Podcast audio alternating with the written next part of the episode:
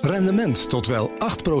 Ontdek Unity. Wij bieden koppelbare werk, kantoor en opslagruimtes die staan voor duurzaamheid, kwaliteit en veelzijdigheid. Sluit je aan bij Unity, waar alle ruimte is voor creativiteit, lef en rendement. Kijk voor meer informatie op unity-units.nl.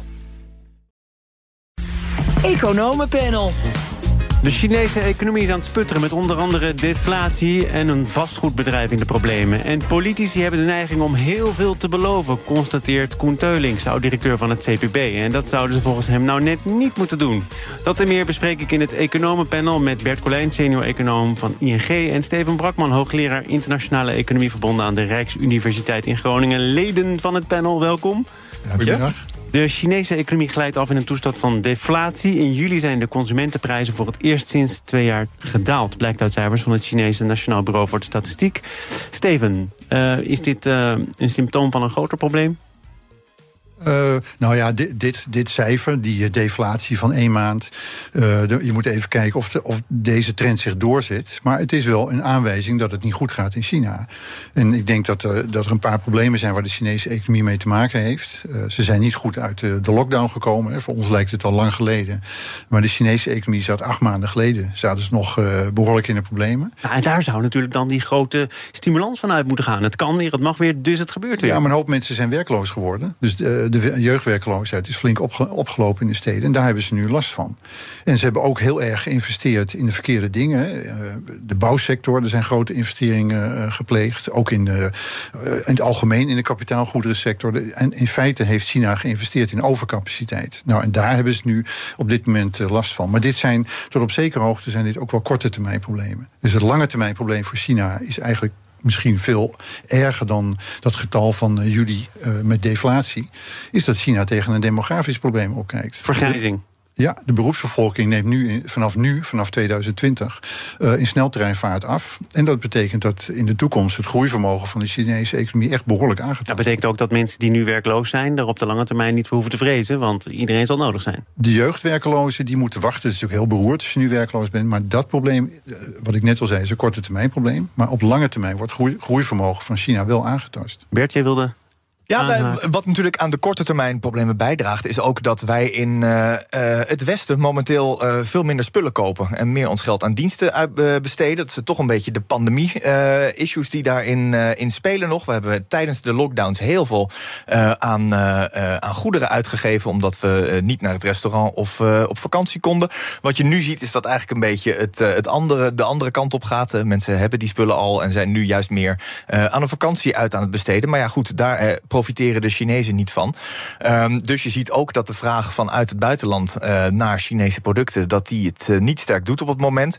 Naast inderdaad dat uh, de heropening van de pandemie daar zelf teleurstelt... Ja, zorgt dat inderdaad voor op korte termijn een ja, vrij zwakke economische situatie. En het feit dat die, die vraag van buiten er ook niet is... omdat wij ons geld aan andere dingen uitgeven... heeft dat te maken met die verschuiving naar diensten die wij nu consumeren? Of heeft het ook iets te maken met China dat minder aantrekkelijk is geworden? Omdat het in dit opzicht ook vaak gaat over India, Vietnam als nieuwe fabrieken van de wereld. Ja, nou, dat is eigenlijk natuurlijk een beetje een. Uh, een dat, dat, is meer de structurele discussie die daar ook speelt. Kijk, op korte termijn denk ik is het vooral dit. Um, en China is nog steeds ontzettend belangrijk als grote producent wereldwijd. Uh, en als de vraag naar goederen sterk aan zou trekken, zou China daar ook echt wel van profiteren. En zouden ze nu een sterker herstel hebben gehad. Dat denk ik wel. Maar op langere termijn is het naast de demografische problemen waar Steven het net al over had, ook zo dat het inderdaad zo is dat uh, we natuurlijk meer uit andere landen aan het halen zijn. Het gebeurt heel mondjesmaat.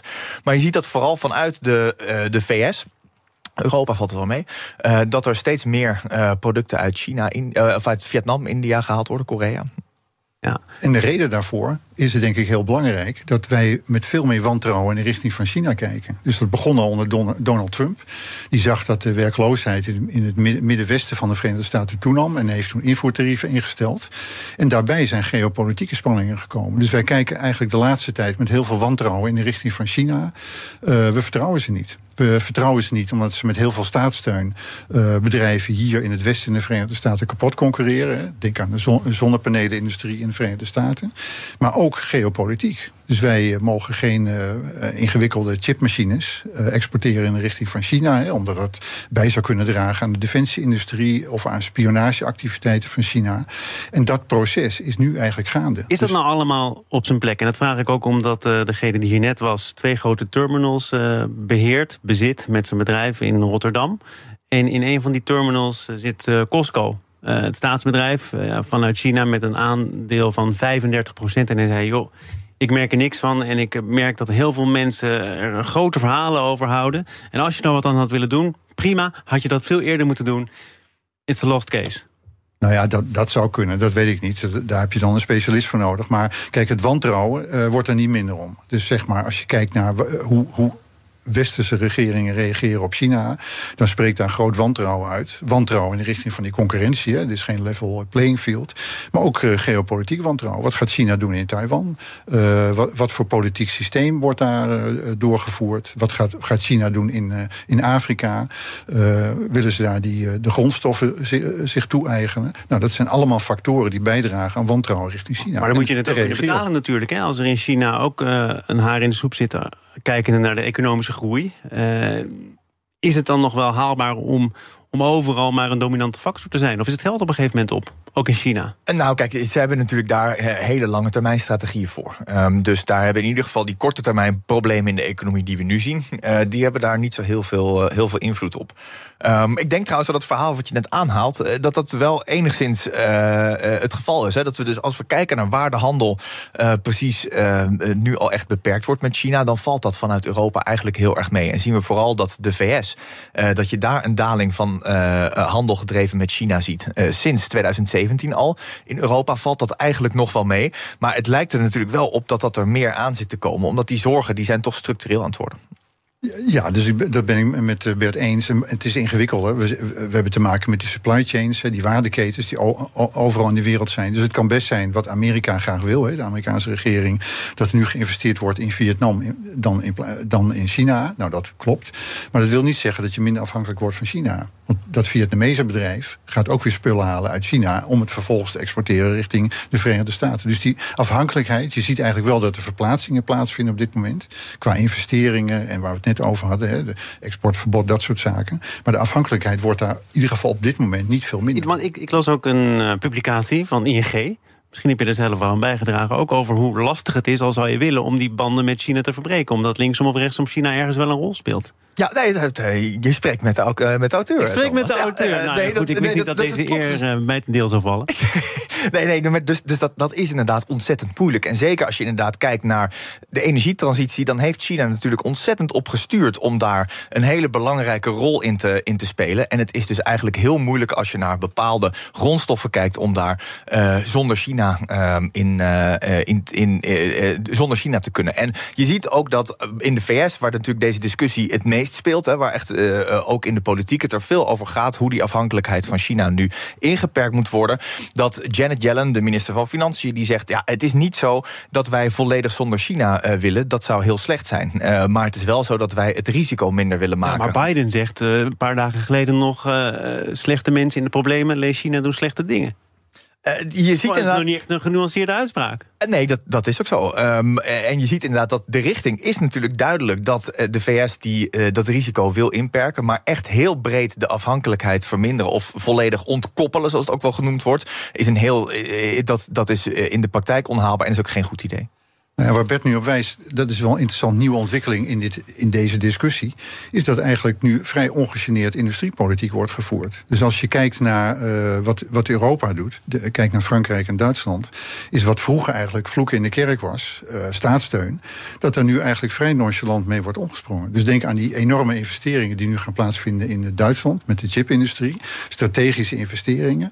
Dat gebeurt nu ook in Frankrijk. Amerika doet hetzelfde. Dus eigenlijk is industriepolitiek, uh, dat treedt weer op de voorgrond. Zeg maar een tijd geleden was dat uh, ja, niet toegestaan. En uh, de Europese Commissie die uh, protesteerde geweldig. En dat is nu een, eigenlijk een element wat toegevoegd wordt aan deze discussie. En waarbij we eigenlijk veel minder negatief. Ja, en je zegt ongegeneerd, omdat uh, ook niet op zijn plek zou zijn. Het is wel nou gepast. het past in het huidige politieke klimaat. Het is een politieke. Past het ook in jouw denkraam? Snap je het wel? Nou ja, de economen zijn altijd heel kritisch met de industriepolitiek. Als... Sta ik hier met twee economen. Dus nou ja, als, de, als de investeringen plaatsvinden. Kijk, is de overheid in staat om de juiste sector uh, te selecteren en om die dan te, uh, te, te, stimuleren? Dat is heel lastig. In de praktijk blijkt uh, dat staatssteun ja, vaak in de richting gaat van bedrijven die zelfstandig niet kunnen overleven. Dus economen kijken altijd met grote vraagtekens naar dit type beleid. Overigens, is wel interessant. Ik las recent een uh, nieuw paper van Dani Roderick, uh, invloedrijke Amerikaanse professor.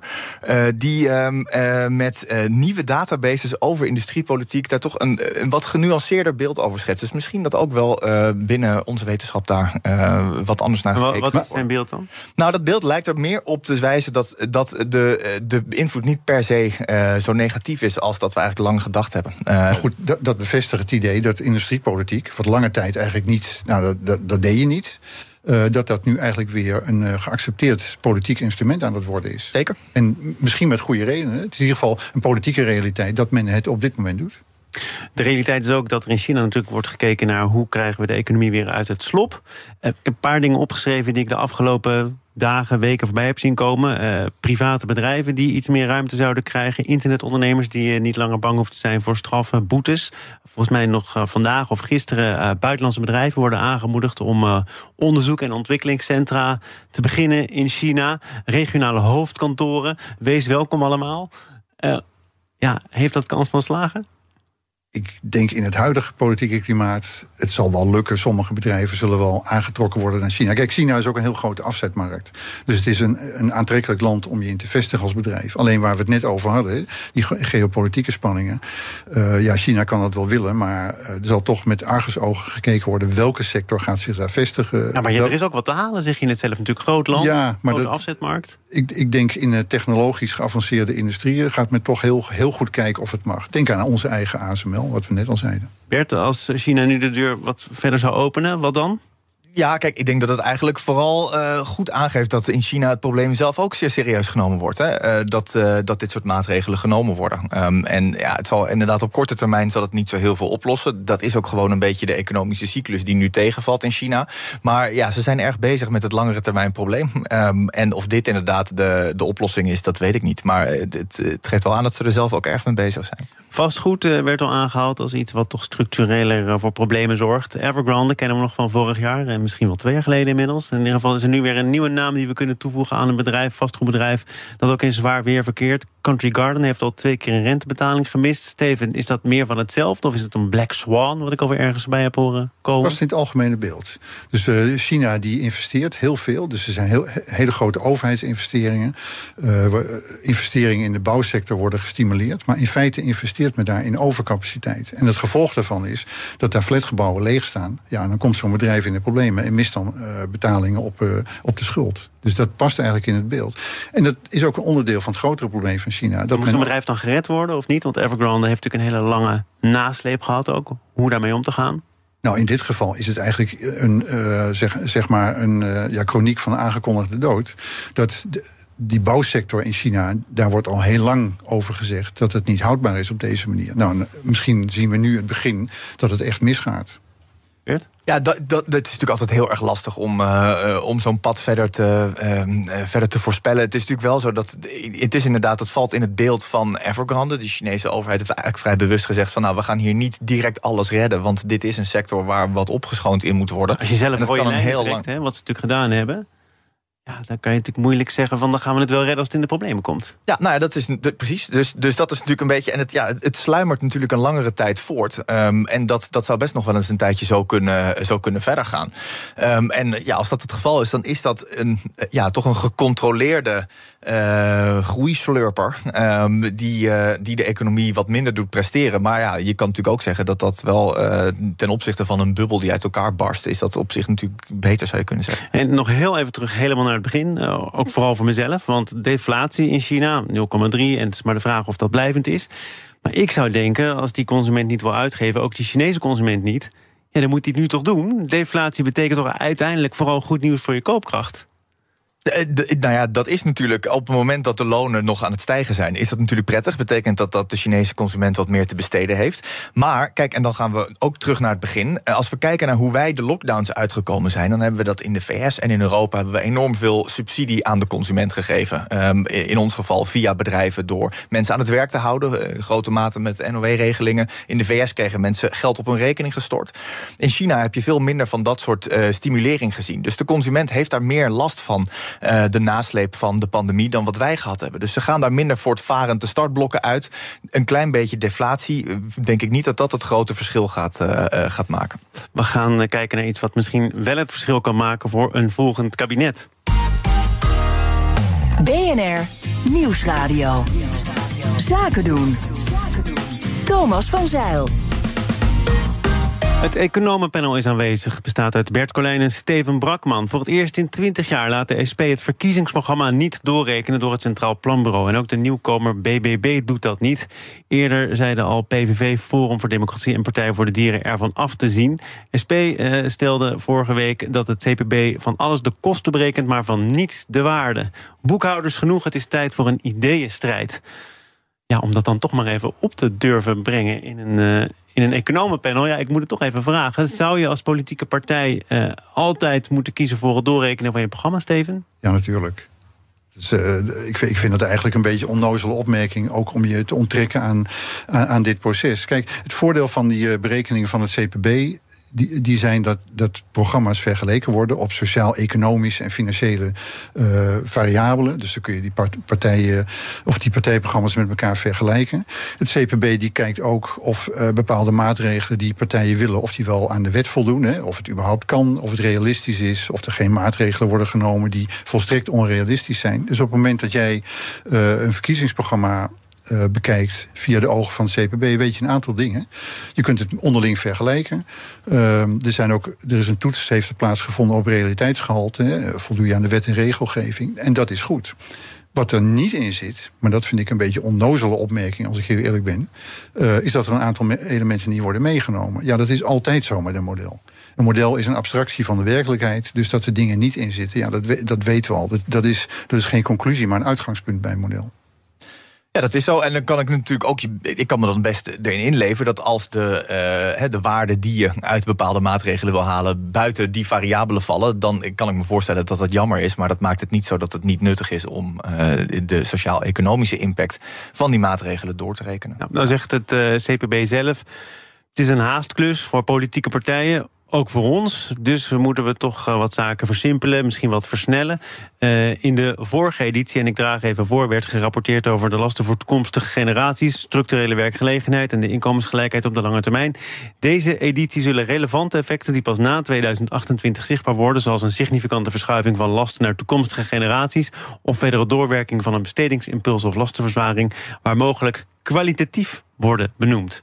Is dat uh, ten opzichte van de vorige keuzes in kaart een groot verlies, een groot verschil, Bert? Of snap je het wel? Nou, ik, ik, snap het natuurlijk heel goed. Uh, ik uh, kan me voorstellen dat ze het er druk gaan krijgen in de komende periode. Uh, dus dat is natuurlijk, ja, dat is natuurlijk heel begrijpelijk. Het lastige is natuurlijk, ja, dat je, je kan daar bepaalde effecten kan je daardoor, daardoor missen. Ja, als je, ehm, de toekomstige generaties die doen er toch toe, dat is toch relevant. Er zijn toch zat partijen die als uitgangspunt hebben, nou laten we de wereld een stukje beter achterlaten voor zij die na ons komen? Eh, dat is ook zo, ja, de, absoluut. dus daarom is het ook nou, hè, de, eh, hopen dat ze dat goed kwalitatief kunnen, uh, kunnen benoemen, uh, zou ik zeggen. Ja, nee, daar ben ik het helemaal mee eens. En bovendien is het CPB daar heel erg uh, transparant over. Dus als je kijkt wat ze gaan doen, dus de beschrijving van het document waarin staat wat ze nu doen, hè, waarin ook staat dat ze een tijdtekort hebben, dat is een heel transparant document. Er staat precies in wat ze wel en wat ze niet doen. Dus het is, uh, ze kunnen naast die kwantitatieve berekening, kunnen ze ook kwalitatieve opmerkingen maken. En dat staat er ook bij dat ze dat gaan doen. Maar, maar toch nog even hoe je dat dan als politieke partij ter hand zou moeten nemen. Je weet dan dus wat belangrijk is in het model. Ga je dan je verkiezingsprogramma zo inrichten dat je er volgens het CPB beter uitkomt? En is dat dan waar een verkiezing over zou moeten gaan? Ja, dat is, dat is wel kritiek. Sommige, sommige partijen die kennen dat, uh, dat model heel goed... en die kunnen daar wat eh, manipula manipulatief mee omgaan. Nou goed, dat, dat, dat, het zij zo. Maar in principe is die doorrekening goed. En dat, dat er een aantal dingen niet in zitten. Ja, dat is ook niet zo erg. Denk, aan een wegenkaart. Dus die helpt je om van A naar B te komen. Maar het staat niet bij op die kaart of vakantiehuisje leuk is. Daar heb je toch andere informatie voor nodig. Een foto. Dus dit soort dingen, dat vind ik eigenlijk uh, als kritiek niet zo sterk. Het is kritiek naar het, als kritiek naar het CPB toen niet. En je kan natuurlijk wel zeggen van ja, het is, het is zo'n krachtige doorrekening dat op een gegeven moment de discussie alleen die kant op gaat. Ja, en dan ja, uh, moet je inderdaad ook heel goed de beperkingen van die doorrekening. Je weet wel dat in zo'n debat dat het natuurlijk tegen of voor je wordt gebruikt. Hè? We hebben nog eens even gekeken, beste meneer of mevrouw van het CDA. Maar het CPB zegt dat u de staatsschuld laat oplopen met uh, x miljard. En dat moet je dan goed uitleggen. Dus op een gegeven moment, als de Partij van de Dieren zegt: ja, dat klopt, wij laten de staatsschuld oplopen en het begrotingstekort loopt, loopt op. Maar kijk eens naar de biodiversiteit. Dat is iets waar wij hard op inzetten. En wij accepteren daarom ook een iets hogere staatsschuld. Ja, maar de biodiversiteit is natuurlijk weer iets waar het CPB iets minder goed mee uit de voeten kan. En dan kom je terug bij de tekst van Lilian Marijnissen. Die zegt, ja, de kosten dat is mooi, maar het gaat hier om waarde. Ja, maar de Partij van de Dieren kan het in het debat heel goed uitleggen. Die zegt, ja, dat klopt. Uh, tegen de, in het debat, uh, wel laten de staatsschuld oplopen, maar kijk eens, dit doen wij wel. Nou, en dan is het de keuze aan de kiezer of ze dat accepta acceptabel vinden. Ja, kijk, ik denk gewoon in zijn algemeen is het, is het ontzettend mooi dat we in dit land uh, daar transparantie over hebben. Over wat plannen precies voor impact hebben. En het zou eigenlijk alleen maar pleiten dat je een bredere doorrekening, misschien niet door het CPB, maar wie weet, uh, uh, zou krijgen. Waarin je misschien ook dat soort andere effecten ja, mee kan andere, nemen. Er zijn natuurlijk meerdere planbureaus die volgens mij ook wel worden betrokken bij in ieder geval niet misschien verkiezingsprogramma's, maar wel uiteindelijk coalitieakkoorden. Want daarvan zou je ook nog kunnen zeggen, leuk en aardig al die verkiezingsprogramma's. Maar je weet uiteindelijk dat het bouwstenen zijn voor een ander document en laat dat vooral doorrekenen. Namelijk het regeerakkoord. Ja, precies. Maar goed, het is natuurlijk ook prettig om te weten waar je op stemt. Dat, dat daar ook een, uh, een doorrekening van ligt. Over hoe realistisch het is. Over wat voor impact het uiteindelijk heeft. Uh, dat is dat, hè, dus zeker, het is natuurlijk ook belangrijk dat het uiteindelijk met een, uh, met een kabinetsakkoord gebeurt. Ja, dus als je kijkt naar de kritiek op, de, op, de, op die doorrekening, hè, van we doen het niet. Er was vroeger uh, Eduard Bomhoff, die heeft Nijver uh, op, opgericht. En die wilde een concurrent zijn van het Centraal Planbureau. Nou, dat, dat zou op zichzelf valide kritiek zijn. Dat je zegt, nou ja, we hebben één planbureau, die heeft een model, die rekent het door. Eigenlijk zou er ook een concurrent moeten zijn, zoals in Duitsland. Dan heb je een aantal van die bureaus, die kijken op hun eigen manier naar de, naar de toekomst en maken voorspellingen. En dat zou op zich ook helemaal niet gek ja, zijn. Ben je, ben je ook voor. Uh meerdere varianten van hetzelfde. Dus niet alleen het TPB, maar eventuele concurrenten of andere instituten die hetzelfde werk kunnen doen. Zou dat, zou dat iets verbeteren? Ja, kijk, ik, nou ja, ik denk wel dat het op zich nuttig is om. Stel, je hebt meerdere modellen waarmee je dit kan doen. Uh, er ligt nu natuurlijk heel veel druk op het CPB, omdat het zo enorm in de spotlight staat. Het zou op zich zou dat niet, zou dat niet gek zijn. Maar het, uiteindelijk, zeg maar, is dat geen argument om te zeggen. Nou, we doen, we doen ook aan. hieraan doen we niet, niet per se mee. Ik zou denken dat dat uiteindelijk hoe dan ook nuttig is om een beetje een beeld te krijgen van wat voor een, een economische impact uh, zoiets heeft. En het ging echt over Eduard Bomhoff, de man die 87 dagen lang minister is geweest. Die Eduard Bomhoff. Ja, die Eduard Bomhoff. even te noemen. Maar hij is ook hoogleraar economie Zeker. geweest. En hij had, hij had op zichzelf valide, kritiek op het model. Of in ieder geval dat hij vond dat er een alternatief moet zijn voor het planbureau. Die ook uh, wees op andere dingen. Hij, hij, had bijvoorbeeld kritiek op de manier waarop infrastructuur in de CPB-modellen zat. Dat had nauwelijks effect. Nou, dat, dat geloofde hij niet. Uh, dat is op zich is dat, is dat terecht. Kijk, het probleem met, met zo'n alternatief Duitsland, uh, dat noemde ik net als voorbeeld, maar dat is een groot land. Die kan zich dat permitteren. Uh, Nederland is een klein land. Ja, en het onderhouden van zo'n model en het maken van zo'n model is erg duur. Daar heb je veel mensen voor nodig. Ja, wie betaalt dat? Ook een Nederlandse vraag vaak. Bert Colijn, senior-econoom van ING. Fijn dat je er was. Zeg ik ook tegen Steven Brakman, hoogleraar internationale economie aan de Rijksuniversiteit van Groningen. Tot een volgende keer. Dit panel is ook te beluisteren als podcast. Abonneer je vooral even via je favoriete kanaal of de BNR-app. Zometeen een nieuw gezondheidsmiddel dat de strijd aanbindt tegen obesitas. Maar heeft het ook uh, effecten op de, daar zijn ze weer, lange termijn. Rendement tot wel 8%. Ontdek Unity. Wij bieden koppelbare werk, kantoor en opslagruimtes die staan voor duurzaamheid, kwaliteit en veelzijdigheid. Sluit je aan bij Unity, waar alle ruimte is voor creativiteit, lef en rendement. Kijk voor meer informatie op unity-units.nl.